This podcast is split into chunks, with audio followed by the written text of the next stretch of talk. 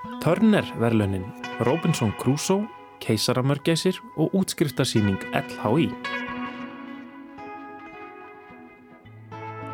Í Vísjá í dag ætlum við að róta í sapni Ríkisútasins eftir frásögn af gömlum íslenskum Robinson Crusoe.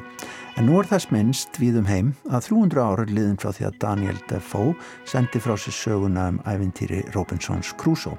Og okkar útgafa af Robinson hvað heita Gissur Ísleifs en þetta fáum við allt nánar útlistað af engri annari en viðtísi Fimboadóttur fyrir um forsetta lífelsins þegar við gröfum í sapni Ríkisútasins. Við ætlum líka að skella okkur til Bretlands. Í síðustu viku var tilkynnt hvaða fjóri listamenn eru tilhendi til Turner verðlunana. Verðlunin eru árlega veitt sjónlistamanni undir 50 og eru einn eftirsóknarverðustu en kannski líka stundum umdeldustu myndlistaverðlun Bretlands. Í vísjói dag skoðum við Turner verðlunin og kynnumst þeim fjórum listamannum sem eru tilhendir í ár. Hlustendur heyra jafnframt af bók Vikunar á rás 1 sem að þessu sinni er smásagnasafnið Keisaramörgæsir eftir Þórdísi Helgadóttur. En Þórdís segir frá bókinni og les fyrir okkur upp úr henni. En við ætlum að byrja þáttinn á því að líta við á kjarvalstöðum þar sem nú fer fram útskriftasýning B.A.N.E.M.A. af myndlistar og hönnunar og arkitektadeild Listaháskóla Íslands.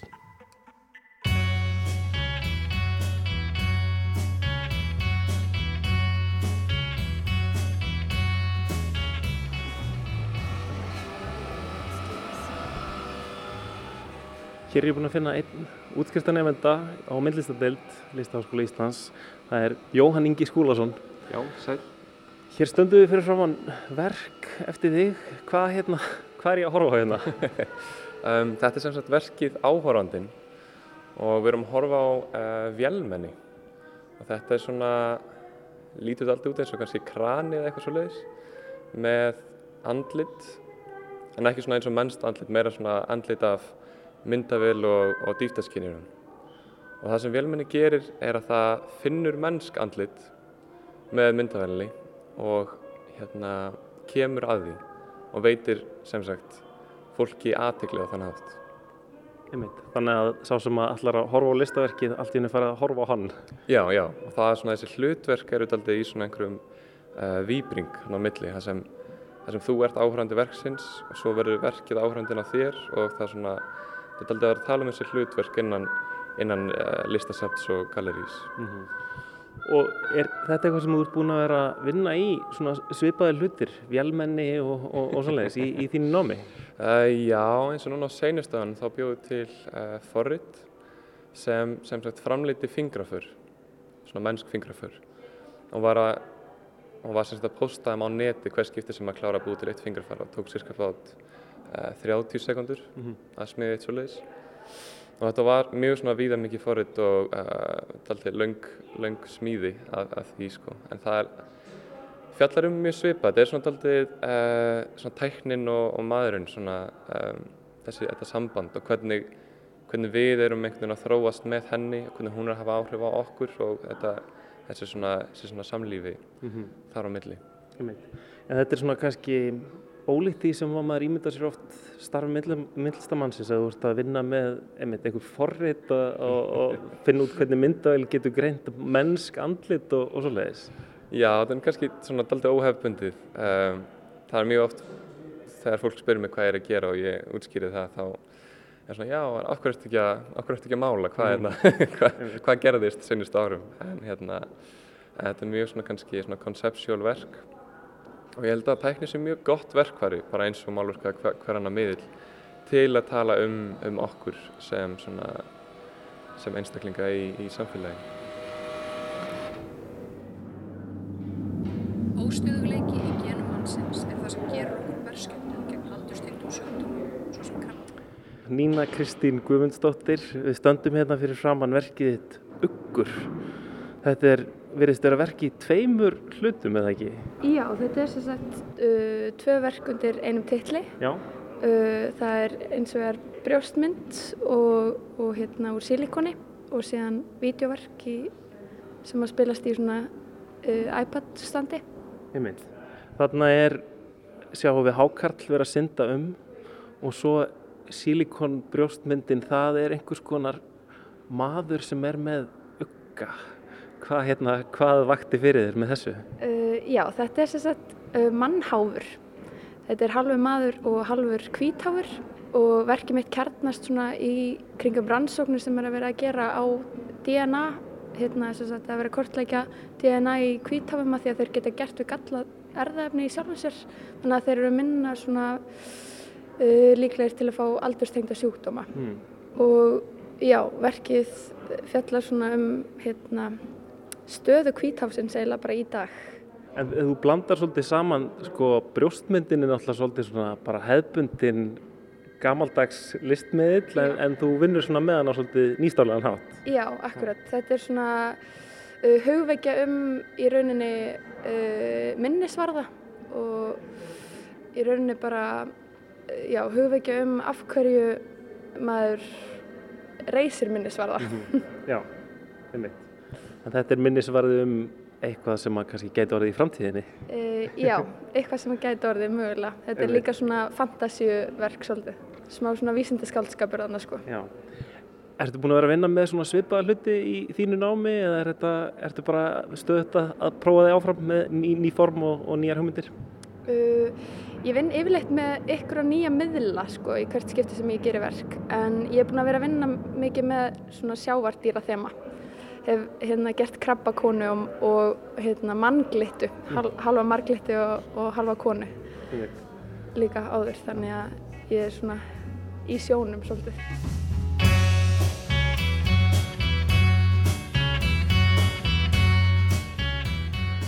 Hér er ég búin að finna enn einn nefnanda af myndlistarbraut Listahörgula Íslands, Helena Margrét Jónsdóttir.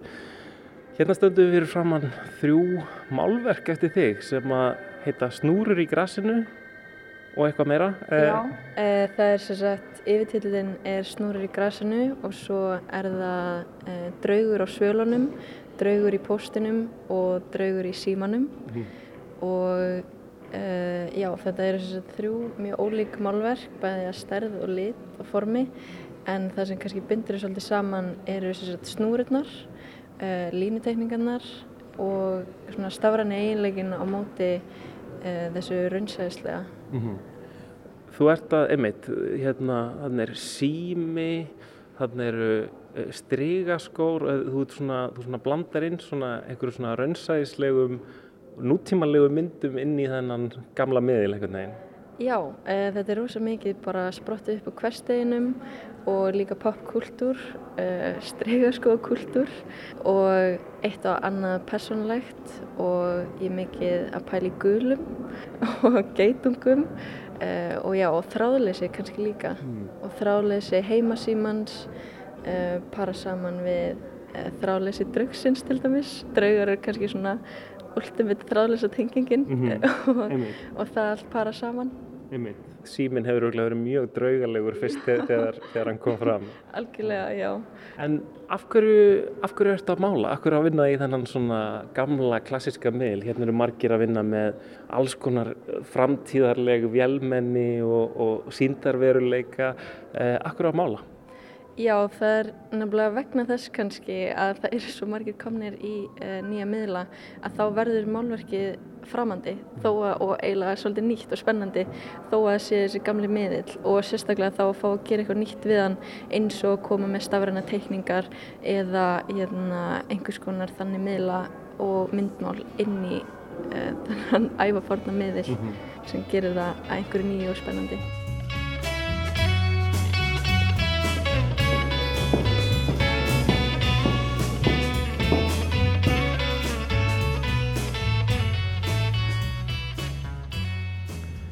Nú er ég komin yfir í hönnunar hluta kjarvalstaða þar sem að útskristasýning hönnunarnema fer fram og ég er hérna í fata hönnunar hlutanum og tókst að finna tvo nefnendur. Hvað heitir þið? Steinun Stefansdóttir. Inge Jönsson. Og þið eru hérna með ykkar útskriftaverkefni. Eh, Ef við kannski kíkja á, á það sem þið eru búin að vera að bralla.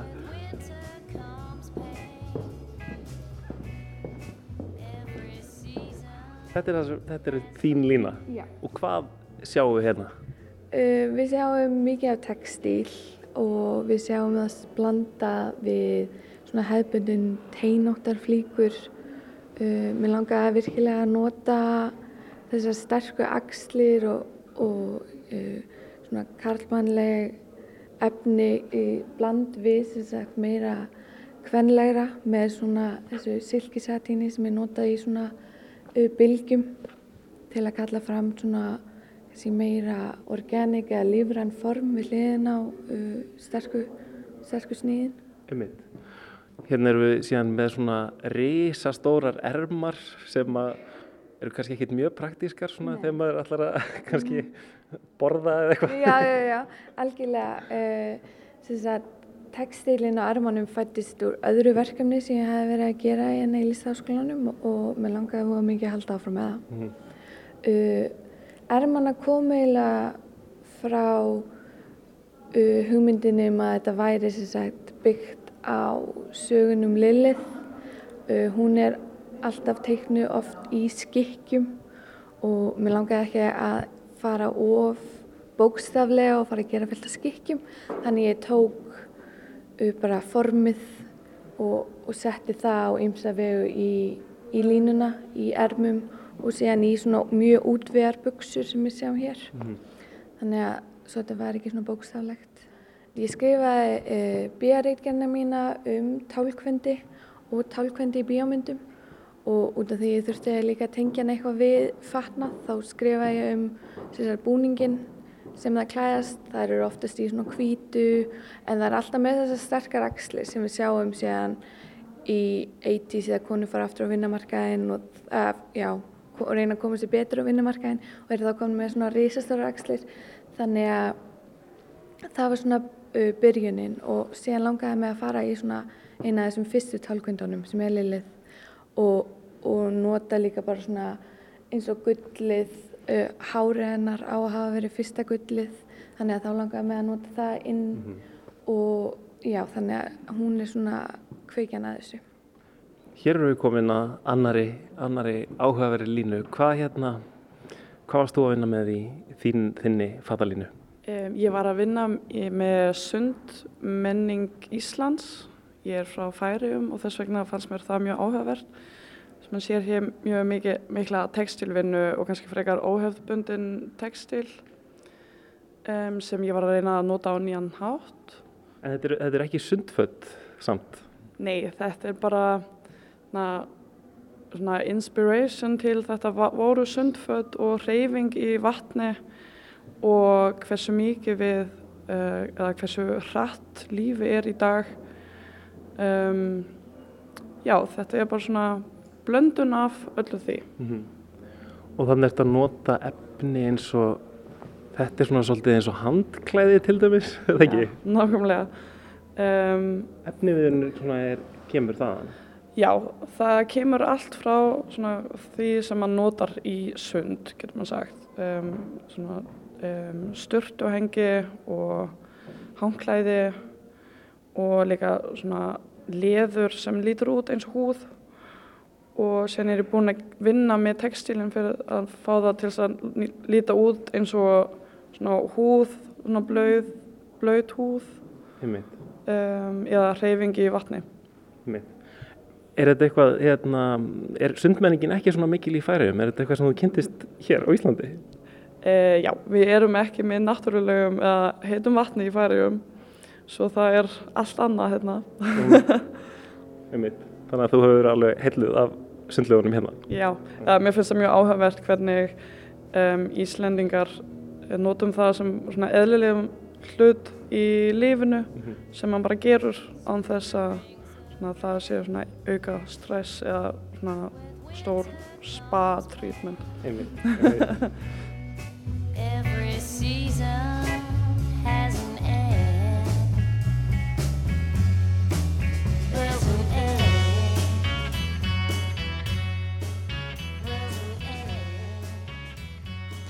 Þarna skruppuðinir á Kjarvalstaði til að kíkja útskriftarsýningu hjá Listaháskóla Íslands.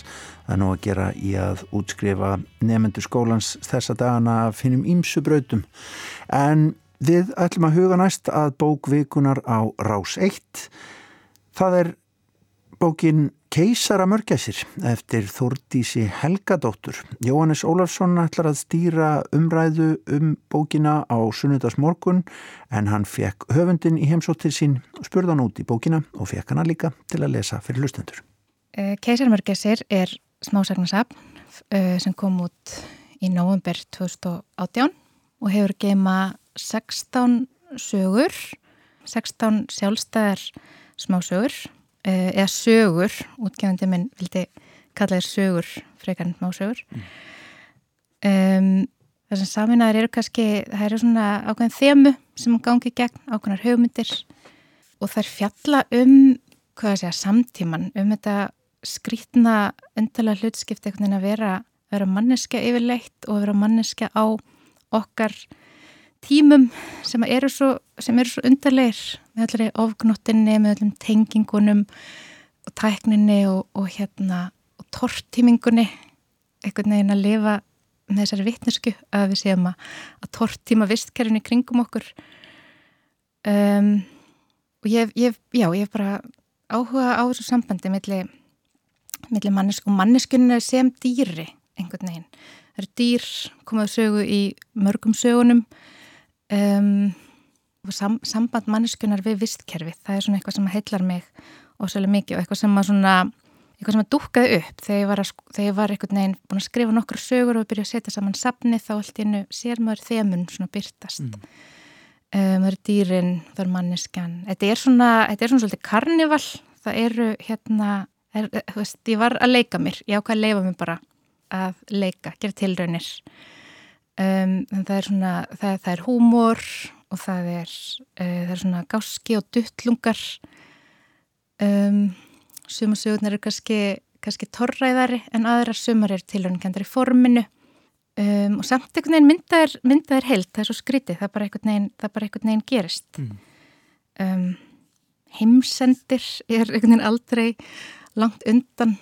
Það er, það er hann svona já, heimsendir í ýmsum formum byrtist í öllu sem ég skrifa. Ég er að reyna að skrifa bara nógu mikið til að, til að hætta, geta hætta fjallum þetta efni. En hann einhvern veginn er ekki enda búin að, búin að klára að fast við það. Mm -hmm. já, ég er svona svolítið hugsi yfir einhvern veginn líka stöðu bara heims enda hugmynda á okkar tímum, það er orðið einhvern veginn svona, þetta er ekki tabu, þetta er bara svona eitthvað sem maður spjallar um. Möguleg tortiming tegundarinnar og bara sálfræðilega er þetta ótrúlega skrítið og mist absúrt að vera eh, mist bara lífið absúrt mm. þú veist eins og það er og eins og það er einhvern veginn hérna hjá okkur í okkar, okkar hérna, menningu okkar tíma og svona já, þetta er oft þessar sögur er oft eitthvað svona tilhænir til þess að koma þessum hérna þessum absúrt upplifunum í eitthvað, í eitthvað form, í, gefa þeim eitthvað, eitthvað svona láta lí, líkamnast á einni eða annan hátt. Mm.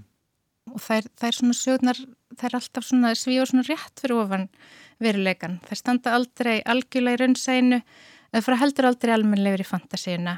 Og það, það passa heldur ekki þú veist, það er svona töfra raunsæi það er skilgreining sem er svona nálagt en það, það, það falla ekki þar undir heldur. Það er eitthvað starra á okkur ykkur grensu sem ég finnst ótrúlega frjótt og skemmtilegt mm. að leifa hérna, að leifa sér að hafa það svolítið loðið hverja reglurnar í heiminum eru. Og smásagan finnst mér þólaða betur. Kannski hérna í skáldsög þá þarfst að vita meira kannski hvað heim þú ert að vinna með. Í smásögunni er hægt að, hægt að hérna, leika sér og láta að fljóta meira. Láta merkingunum fljóta og, og hérna já hlaða, hlaða kannski mörgum lögum svona hvert og annað og, og hérna og það er ekki alltaf verið skýrt. En það er líka, þú kemur líka svolítið inn á bara kannski hverstagsleiri vandamál, mm -hmm. bara mhm. vandamál manns, mannsins Já. það er bara það sem við erum að glíma við á hverjum degi sem er ekki eh, jafn stórt og endalók heimsins en svona en stór vandamál í okkar lífi og hérna hvernig finnst þér það einhvern veginn tengjast, þú veist, eru, eru við að hafa ágjörða eitthvað sem skiptir ekki máli oft? Já, ég held að það skiptir máli ég held að stóru vandamálinn veri til upp úr litlu vandamálunum þú veist, hérna neistlu, neistluhyggjan og, og þetta, þetta sprettur allt bara út frá því að við erum hérna sálfræðilega tóm eða svöng eða, eða hérna byggluð og, og traumatiseruð og brotinn og, og hérna það þarf oft lítið til einhvern veginn, er svo, þetta er svo viðkvæmt, bara samskipti samskipti fólks og um, já, börn það er börnin okkur um sögum um, og það, það, er, það er eitthvað svo viðkvæmt að, að vera, því nú er ég sjálfa alveg töli til börn og það er svona einhvern veginn vandaverk og maður er alltaf að hugsa einhvern veginn að reyna að búa til heilbreðar manneskjur og hvernig, hvernig það getur einhvern veginn farið út á spórinu á svo ótal marga vegu. Um, já, þannig nei, ég held að litli hlutirnir litli hlutirnir skiptir máli og einhvern veginn, það gefur mér svo miklu vonstundum þegar að kannski lofslagsmálin eru annars vegar og eru svona ofsla yfirþyrmandi og, og heimspolítikin er bara einhvern veginn bílu og ruggluð og bara út og söður og, og, og hérna, og maður verður svo vonlaus stundum að, að hérna, það sé hægt að búa til einhverja svona lausnir á stórum skala. En þá einhvern veginn er bara, þú veist, hérna, unga fólki alltaf opna sig um, um hérna kvíða og áföll og svona það er eins og að sé bara geðheilbreyði geðheilbreyðis vakning eitthvað neginn og vakning í, því bara hvernig við lifum á eitthvað neginn hérna, ábyrgari skynnsamleira hátt. Þannig að það gefur mér óslulega mikla, mikla von að getum svona, já, bara svona allir tekið til sínum gardi og, og hérna áorka áorka svona stórum löstum þannig. Leg Eli kom að konunni sinni að sleikja kjúkling með besta vini sínum. Alice hafi sagt honum að hún ætlaði rektina eftir vinnu en svo hjólaðan fram hjá húsinans óttars og sá að bílinn þeirra stóð fyrir utan. Eli barði að dyrum, tók í húnin, komst að því að það var ólæst og gekk inn. Í eldúsinu blasti þetta við. Óttar og Alice stóðu sitt hverju megin við eldósegjuna með granitborðplutunni. Á stóru fati á millið þeirra voru tveir snirtilega niðurskortnir kjúklingar, bringur, vangir, lundir, leggir. Alice sjálf var líkt á í miðjum fuggladansi. Hún helt kámi um höndunum langt út frá líkamannu með olbu að beigða og fingurna út glenda. Augun voru lokuð en munnurinn opinn græðgislegur. Hún hallaði sér fram, tegði út úr sér langa tunguna og vafðinni eins og beikonsneið utanum kjúklingalæri sem óttar hjælt á lofti. Allt þetta hefði Eli mögulega, mögulega geta látið liggja á milli hluta ef ekki hefði verið fyrir eitt lítið atriði sem fór afdráttarlust yfir strikið. En það var svo staðreind að kjúklingurinn var rár. Loks tóku þau eftir honum. Það var eins og einhver hefði held yfir þau fullri fötu af ísköldu vatni. Þau umbreytust á einu augnabliki. Vöðvarnir spentust upp, sjáöldrin gal opniðust og Eli gæt næstum því séð gæsahúðina spretta fram. Þetta var það versta. Verra en að kjúklingurinn skildi vera hrár. Viðbröð Alísar særðu Eli djúft. Hún hafði alltaf sagt að henni finnist hún hvergi í heiminum örugari en í fanginu á honum. Núna framkallaði nærvera Elís flóta viðbrað hjá henni. Hann náði genið sinni að kalla orðið sveik fram í hugan. Hann var of dolfallin að fylgjast með rafmagninu skrýða undir húðin á sér fram eftir útlimunum út í fingur og tær. Eitthvað þrengdi sífælt meira að höfukúpun á honum innanfrá eins og hún verið að fyllast af poppi. Hann hefði aldrei áður upplifað sársöka einmitt svona. Alice þurkaði sér um hendurnar. Við erum aðeins að undirbúa, sagði hún. Þau horfðu bæði á bakið á óttari sem hafi snöglega snúið sér að eldusvaskinum og skrúa frá vatninu. Nokkrar kvítar og brúnar fjadrir lágu klestar í sápuvasspollum við hliðin á vaskinum. Eli leit á Alice yfir eiguna, síðan niður á fatið mitt á millið þeirra þar sem kjúklingabitarnir lágu í grunnum potli af blóðvögva. Þeir voru litin eins og andlitið á Eli þegar hann kom í mark í marathóni. Glansandi hlaupkjönd áferðin eftir matareiturinn. Hvað er eiginlega að? sagði Eli. Alice tók nokkur skref í áttina til hans. Hann hörfaði. Hún var klætt í ermalausan bleikan ból yfir íþrótt og topp og stælt auksl niklaðist fallega þegar hún lifti handlegnum í áttina til hans. Hugmyndavinna, sagði hún. Þú veist, við erum að gera tilraunir. Hann starði á Alice á þess að segja neitt. Þórtís Helgadóttir las þarna upp úr bóksinni Keisara mörgæsir sem er bókvikunar á ráseitt þessa vikuna. Í þættinum á sunnudag mun Jóhannes Ólásson ræða við Sofju Auði Birgisdóttur og Sólu Þorstensdóttur um smásagnasafnið Keisara mörgæsir. En klukkan fjögur á sunnudag verða gestir í Eldborgarsal Hörpu rúsneski Terem kvartitinn á samt gestum sínum Dittu og Ólafi Kjartani. Terem kvartitinn var stopnaður í Pétursborg árið 1986 og er þekktur utanlands sem innan. Þeirra var áður komið til Íslands árið 2005 og svo aftur 2007 en árið síðar var gefin út diskur þar sem að Dittu syngur með Terem kvartitinum lög meðal annars eftir Sigfús Haldursson og fleiri laga höfunda. En við skulum heyra þennan kvartett leika fyrir okkur. Þetta er verk eftir argentínska tango tónskaldið Horacio Salgan. Við skulum heyra hvernig þetta hljómar.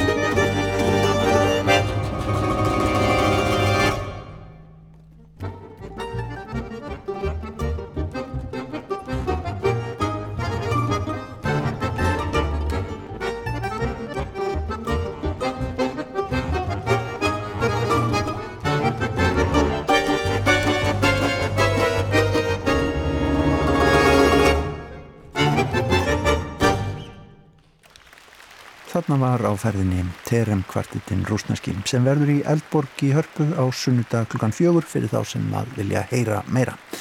En við ætlum að huga að myndlistavælunum í Breitlandi. Í síðustu viku var tilkynnt hvaða fjórir listamenn eru tilnefndir til hennar bresku Törner myndlistavæluna fyrir árið 2018.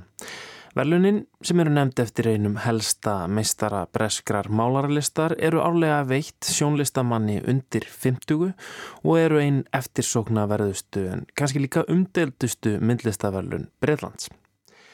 Síningar með verkum hinna tilnæmdu listamanna hafa oft verið eftirminnilegar, óumbúið Rúm, Tracy Emin og Hákarl Damiens Hörst eru meðal þeirra sem hafa brent sig inn í sameinlega menningarvitund bresku þjóðarinnar. Í haust verður síningin í fyrsta skipti í Törner samtíma listasafnu í Margate í Kent og þar verður velunahafun tilkynntur í desember. En í ár eru henni tilnæmdu fjórir ólíki listamenn Lawrence Abu Hamdan, Helen Kamok, Tai Shani og Oscar Murillo. Þetta er ekki nöfn sem að ég sjálfur þekkti í síðustu viku en á hverju ári er gaman að skoða og kynast hinnum tilnæmdu listamönnum en það er líka áhugavert að velta fyrir sér hvernig tilnæmningarnar endur spekla tilneyingar í myndlistinni hverju sinni, viðhortilnar og stöðunar í samfélaginu. Undarfarin ár hafa þannig mörg heina tilnæmdu verka krafist mikillar einbeitingar og vinnu af hendi áhöröndans. Þetta hafa verið efnismikil verk sem krefast þess að gestir gefi sér mikinn tíma til að fylgjast með þeim, laung vídeoverk eða þung listaverk sem innihalda mikið magn teksta og upplýsinga sem þarf að sökva sér ofan í. Gaggrindur segja hins vegar að flest verk listamannana sem eru tilnyndir í ár séu aðgengilegri og meira grípandi. Þau krefist ekki endilega sömu tíma fjárfestingarinnar af hendi gesta eru viðmótsíðari, getur við kannski sagt. Það þýðir þó ekki að efniviðurinn hjá þessum fjórum tilnemdu listamönnum sé bara einhver fróða eða verkin afstöðulegs greitingalist. Raunar eiga verkina fjögra tilnemdu listamanna það sameinlegt að gera einhvers konar tilraunir til að gefa jæðarsettum hópum og hinnum glemdu og undir okkuðu rattir. Þetta eru sem sagt alltaf einhver leiti pólitískir listamenn og segir það eflaust nokkuð um væntingar til listarinnar í dag. Listin er rými þar sem er ætlast til þess að gaggríni og umræða eigi sér stað. Það morðundar segja að þessar væntingar til listarinnar sem vettvangs til gaggrínar samfélagsumræðu hafi komið í bakið á skipulegjendum törnerverlunana í ár. Hluti af þessum væntingum er aukin hreinleika krafa varðandi stuðningsaðila liststofnana. Hér í Vísjá höfum við meðal annars fjallað um hvernig mótmælendur hafa undarförnu fært sér upp á skaftið í gaggrinni á hvernig stórfyrirtæki sem hafa sínt af sér vítavert samfélagslegt ábyrðaleysi kvít þó sig með menningarstyrkjum. Og ýmsar listastofnanir hafa neðst til að breyðast við, meðal annars hafa margir þurft að skila eða afþakka styrkjum frá saklerfjölskyldunni sem er söguðum að bera hvað mesta ábyrð á ópjóða faraldrinum í bandaríkjónum.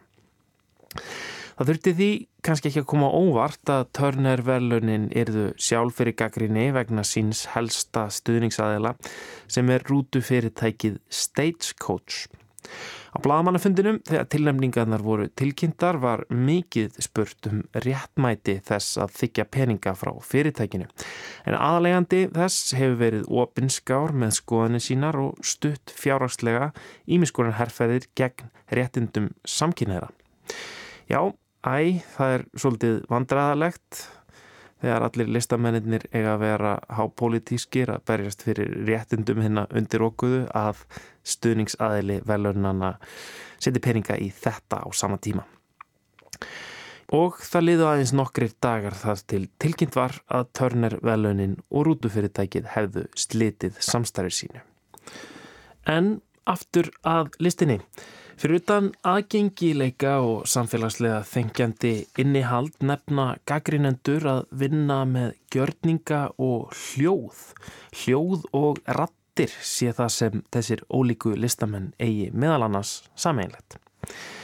Rannsókn og nótkun á hljóðum kemur hvað skýrast fram í verkum hins jordanska Lorenz Abu Hamdan sem er búsettur í Beirut en hann kallar sjálfan sig hljóð rannsóknamann eða eirna spæjara, private ear. Einn síningin sem hann tilnendur fyrir er byggð á viðtölum sem hann tók við fyrrum fanga úr Sætnæja leinifangilsinu sem Sýrlands herr Bashar al-Assad helt úti. Þar sem sérstaklega hafiði verið unnið í því að hindra sín fangana þurfti að byggja vittnisspurði þeirra miklu leiti á hljóð minni. Leikús heyrnarvottana kallaði Abu Hamdan þetta Ear Witness Theatre. Að vinna út frá upplifun fólks af hljóði hvort sem það er högg, hurða, lokast, bissuskott eða upplifun manns á rými undir hettu er ímsum anmörkum háð og í þessum lýsingum segir Abu Hamdan að hann rannsæki hérna sameinlegu hljóðrænu undirmeðutund samfélagsins. Hvernig við heyrum og lýsum því sem við heyrum. Skrásetning á röttum, vitnisburðum og minningum fólks er líka hluti af listinnar ennsku Helen Kamok sem er eldst hérna tilnendu 48 ára gömul. Kamok notar hljóð, ljósmyndir, prent og ekki síst kvikmyndir til að rifja upp sögu, ofbeldis og baróttu gegn því.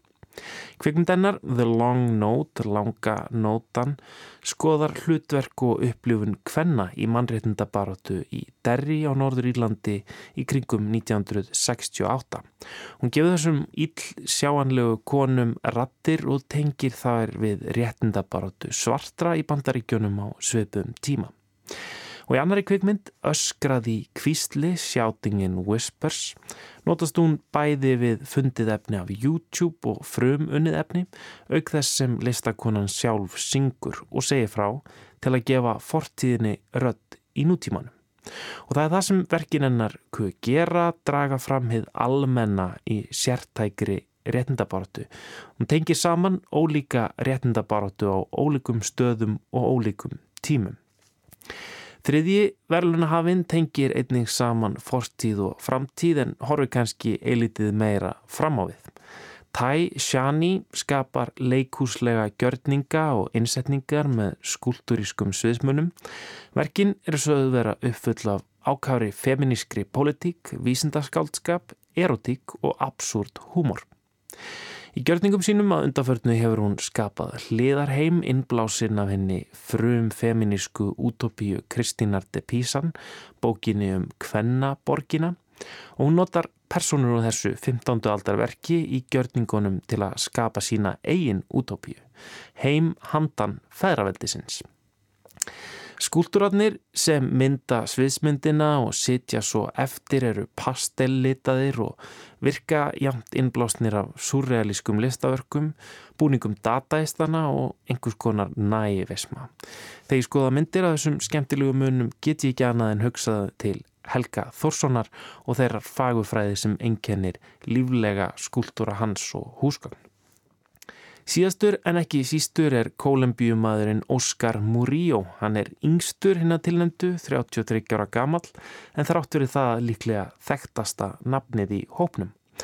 Hann hefur vakið aðtikli fyrir abstrakt málverk og teikningar sínar, en eins og hinnir tilnendu listamennir byndur hann sér ekki við einn miðil. Hann málar og teiknar en gerir líka innsetningar, vídjó og ímiskonar levandi viðbörði. Í einu verki sínu skrásautur hann för föður síns frá Kólumbíu til Bredlands og í síningu sem nefnist ofbeldisfull glemska, Violent Amnesia, blandar hann saman teikningum, málverkum, heimasmíðum gínum, notar yðnaðar opna til að skapa skúltúra úr mæs og leir sem hann hrúar svo upp, verk sem vekja spurningar um neistlu, næringu og vinnumenningu í samtímanum.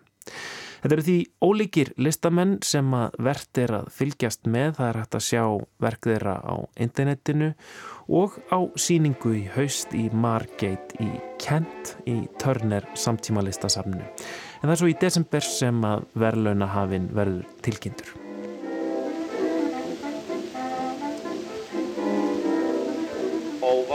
Thousand years or maybe more Out on an island on a lonely shore. Robinson Crusoe landed one fine day. No rent to pay, no wife to obey. His good man Friday was his only friend. He didn't borrow or lend. They built a little hut, lived there till Friday but Saturday night it was shut. Where did Robinson Crusoe go with Friday on Saturday night? Every Saturday night they would start in the room and on Sunday morning they come staggering home. They went hunting for rabbits when the weather grew colder, but Crusoe came home with a hair on his shoulder. Now where did Robinson Crusoe go with Friday on Saturday night? Já, hvert fór hann út hann Robinson Crusoe með félaga sínum frjádegi á lögataskvöldi? Hér spyr og syngur skemmtikrafturinn sem eitt sinn var jafnvel kallaður mestur allra skemmtikrafta veraldar, Al Jolson. Þetta er lag sem kemur úr söngleik sem að hétt Robinson Crusoe Jr. Robinson Crusoe Yngri og skartaði Jolson í aðalhutverkinu þegar hann var frumsýndur á Broadway í New York árið 1916. Og jú, Al Jolson leg vitanlega frjádag sem í þessari útgafu var enga bílstöri miljónamærings sem að dreymdi að hann væri Robinson Crusoe. Ég hef ekki séð innan söngleik. En auðvita leg Al Jolson hlutverkið í blackface málaður svartur eins og hann var þektur og vinsæl fyrir á þessum árum. Sagan í söngleiknum var einhvers konar afskurður eða umbreyting á sögunni um ævintýri Robinson Crusoes á eðiðinni forðum sögu eftir Daniel Dafoe sem hann gaf út fyrst fyrir nýlega sléttum 300 árum 25. april 1719 og á þeim árum voru menn ekkit endilega alltaf að stressa sig á því að finna stutta og grípandi titla á bækurna sínar. Dafoe kallaði sögu sína og hér leif ég mér að grípa til ennskunar The Life and Strange Surprising Adventures of Robinson Crusoe of York Mariner who lived eight and twenty years all alone in an uninhibited island on the coast of America near the mouth of the great river of Oro-Onoque, having been cast on shore by shipwreck, wherein all the men perished but himself, with an account of how he was at last as strangely delivered by pirates. Já, þetta er ágættur titill, ágættur hlustendur. En þrátt fyrir þennan volduatitil þá var það nafn og örlög aðalhetjunar Robinsons Crusoe sem að hafðu gríðarleg áhrif á bókmyndirnar æg síðan. Sagan er oft tengd nafni Alexander Sölkerk, skosks skipbrótsmanns sem að dvaldi í fjögur ára á eigu sem að hétt Massa Terra og er hluti af landinu Mjóa Síle í Suður Ameríku. En eigin var vitanlega endur skýrð árið 1966 og heitir nú Robinson Crusoe eiga. Hvort sem hort er til mögulegra áhrifavalda á skrif Daniel Staffo eða á eftirleikin, það er að segja hvernig bókin hefur mótað fjölmarkar menningarafurðir í gegnum tíðina, má ljóst vera að um auðu en garð er að gresja. Í kjölfar útgáfunar árið 1719 streymdu fram bækur víða um lönd undir sterkum áhrifum frá æfintýrum Robinsons Crusoe. Fræg dæmi komu út skömmu síðar, til dæmis Emil eftir Jean-Jacques Rousseau, Ferðir Gullivers eftir Jonathan Swift og Gulllegan eftir Robert Louis Stevenson. Kvikmyndirnar eru auðvitað fjölmarkar í gegnum tíðina, bæði byggðar beint á sögunni eða þær sem eru undir sterkum áhrifum hennar. Being the third son of a good family and not educated to any trade, my head began to be filled early with thoughts of leaving England to see the world.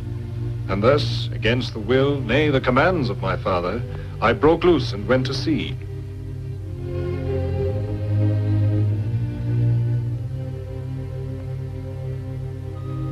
How true my father's prophecy of disaster.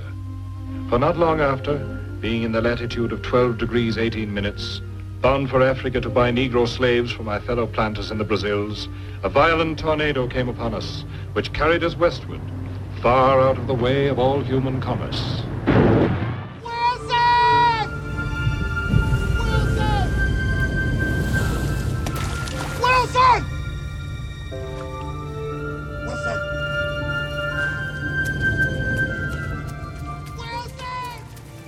En eftir útkomu bókarinnar fyrir 300 árum fór eiginlega Hálgert Robinson Crusoe æði af stað og hinar og þessar þjóðir eignuðust sínar útgáður af ævintramanninu.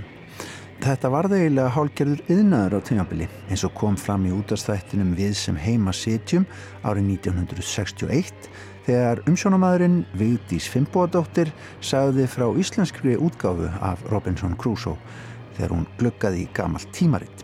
Við skulum heyra þessa lýsingu viðdísar upp úr tímarindinu á íslenska Robinson Crusoe sem að geti kunnulega nafni Gissur Ísleifsson.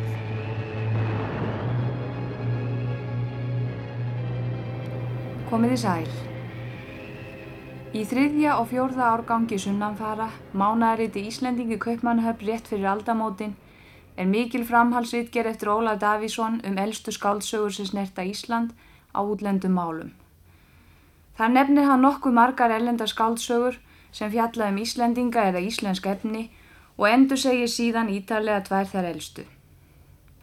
Hinn fyrri heitir sá íslenski Robinson eða hinnar undarlegu ferðir og atbyrðir sem drif og daga Gissus Íslefs sem fættur var á Íslandi. Gefin út í Kaupmannahöfn og Leipzig 1755. Í rítgerðinni segir að eftir að Robinson Crusoe kom út í Englandi hafi ekki lið á löngu áður en hvert einasta land í Norðurálfu hafi fengið sinn Robinson og Robinson sögurnar keiftar og lesnar í gríð því þá var fáttið ekkert til af alþýðlegum vísindarítum en flesta Robinson sögurnar snerta mjög landafræði, þjóðafræði og jafnvel náttúrusögu. Höfundur hins íslenska Robinsons hafði einni skrifað nokkrar aðra bækur um sama efni Hinn norræni Róbensson, hinn danski Róbensson í fjórum bindum og eftir þann íslenska kom hinn færiðski Róbensson. Síðan segir að hann hafi annars þótt fremur lítilfjörlegur ítöfundur.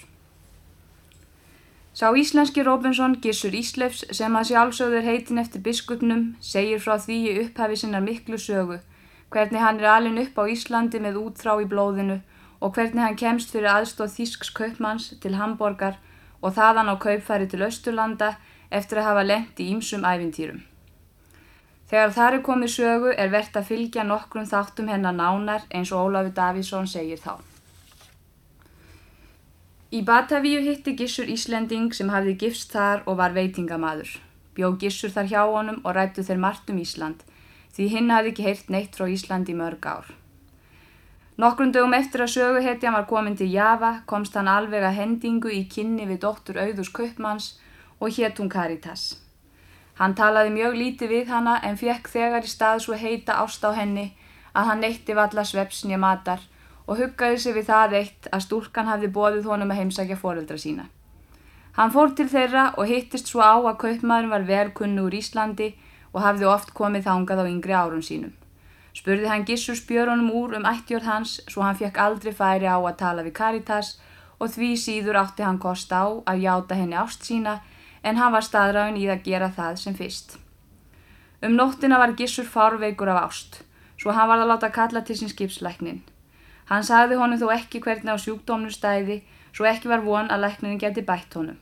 Aftur á móti tók hann Gissur í blóð og vestnaði honum svo við það að sjúkdóminu snýrist upp í ákafa brunasótt og lág Gissur í tíu daga millir heims og helju, svo hann vissi ekki af sér og talaði hann þá Martun Karitas og ást sína til hennar í óráði. Veitingamadurinn landi gissurar gerði allt sem stóð í valdi hans til þess að hjúgra honum og fór honum smá saman að batna en mest bætti það honum að fadir Karitasar kom til hans, heilsaði honum kærlega frá dóttur sinni og sagði honum að hana væri farða langa að sjá hann og tala við hann. Japskjótt og gissur hafi náð heilsunni aftur og hóf hann miklar ástabreyfarskriftir og heimsóknu til Karitasar og eftir langa mæðu tóst honum að festa sér stúlkuna. Það var ákveðið að hún skildi býða í festum á meðan hann færi til Evrópu og kæmi þar málun sínum í lag fyrir giftinguna. Á leiðinu austur aftur tóst þó ekki betur til en að skip hans lendi í stórviðri, brotnar í spón og fóst öll skipsöfnin nema gissur sem náði í vastunnu og kom bæði sjálfun sér og henni upp á eigði eigu. Þegar hann fór að lítast um sá hann ekki leitt glæsilega út fyrir sér. Hann var stattur á svo lítilli sandegu svo yllar horfur voru með vatn og vistir. Hann þó ekki hugfallast og var þess fullviss að Guð ætti eins hægt með að bjarga sér af þessari eigði eigu og hann hefði átt hægt með að bjarga sér þangað. Það styrti hann líka í þessari trú að hann fann kistu fulla af tvíbökum í flæðamálunu og var nú ekki hægt við hann dagjur hungri að þorsta í bráð. Næsta dag kannaði hann eiguna og fann ímislegt velkjast í flæðamálinu meðal annars fílabeinskistil með gullspöngum og gullhandföngum og hjekk gulllíkil við annað. Auðsi var að kistillin hafi leið þar lengi mjög. Gissur lauk upp kistlinum og fann þar íms smálíkneski úr gulli og mjög hagleg málverk. Auk þess voru þýsk ástaljóð í stoknum. Allt var þetta óskemmt. Vakti allt þetta dót mjög alvarlegar og raunalegar hugsanir hjá Gissuri og ásetti hann sér að ef hann kæmis lífsaf úr þessum vanda skildi hann hugsa minna um ást og skemmtanir en meira um náðgvöðs og eilíða velferð sína og skoða skipbroti svo sem hyrtingar vönd syndugs manns. En fann hann kistu fulla af peningum og gullstöngum og bar hann hvort vekja heim í reysi sitt þótt hann hefði reynda lítið peninga að gera í bráðina. Eftir ímsa erfileika tókst honum að komast yfir á aðra búsaldalegri eigu og undi þar sæmilega haksínum. Sex á líður svo að Gissu varð ekki var við skipni menn og fann hann sér ímislekti dagrastýttingar og jafnframt til að bæta haksinn. Hann brendi diska og skálir úr límkjöndun leir sem hann fann og límdi sama með honum kókosnetur sem hann hafði opnað og fyllt með peningum svo ekki sást annað en þær væru óbrotnar. Net bjó hann sér til úr jurtatæjum og veiti fisk í það, en hann var orðin fremur ítla fattaður eins og við að búast. Loksins fann Gissur rekin stóran stránga bómulladúk og bjó hann sér til úr honum fött. Hann hafði oddmjótt fiskbein í staði fyrir nál, en þráðin fjekka með því að tvinna saman bómullathræði. Helsti félagi Gissurar var Tamin Páagaugur. Einu sinni þegar Gissur svaf hvarf Páagaugurinn frá honum og liður svo tveir mónuður að hann sá hann ekki. En einu sinni hafði hann tekið sér miðdegislúra eins og hann átti vanda til og vaknar hann við það að hann heyrir að sagt er Ó Karitas, indislega Karitas, hver mikla kvali verði ekki að þóla vegna þín. En þetta voru einmitt orð sem Gissur var vanur að stagast á þegar ítla lág á honum. Hann var alveg eins og steinu lostin og fór að gæta að hver valdur var, gæti verið að þessum kynjum og var þar komin páagaugurinn hans og satt upp á reysi hans með öðrum páagaug og kallaði hann þaðan. Gissur gefðu pássi eitthvað að geta pássi svangur. Tami páfuglum flög nú inn í reysi gissurar en hinn var laðaður og eftir og var fljótt tamur líka. Áttu þeir ekk og unga hjá gissuri og var nú ekki hægt við að þeir strykju. Þegar gissur hafi verið á eiginni í tíu ár sá hann morgun eitt þegar hann vaknaði að skip lág fyrir akkirum við eina og var þar björgunin komin. Eftir þetta gekk gissuri alltaf óskum. Þeir komu óvennulega fljótt til Batavíja og var Gissuri fyrst fyrir að hlaupa þanga sem tengdaforeldur hans höfðu búið. Þau yrðu alveg forvið að sjá Gissur og rak hver spurningin aðra en Gissur saði satt frá öllu sem í sem fæstum orðum og hafði páagaukuna til sannindamerkis því þeir kunnu allir klausunum Karitas. Saðist hún hafa harmað hann mjög en tók honum úr tveim höndum og giftust þau þegar Gissur var orðin afþreyttur. Vandaði hann lifna sinn sem mest hann mátti í þakklæti skínir fyrir handleislu Guðs á sér en enga síður unni Karitas honum hugástum. Hafði hún þið mesta indi að páa gaugunum. Landi Gissura lifði enn í Batavíu, heldur þeir Gissur vináttu meðan þeir lifðu báðir og líkur hér sögunni.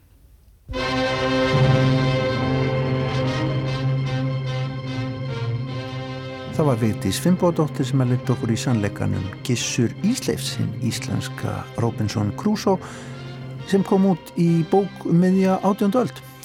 Þannig ætlum við að ljúka við sjá í dag. Verið sæl. Verið sæl.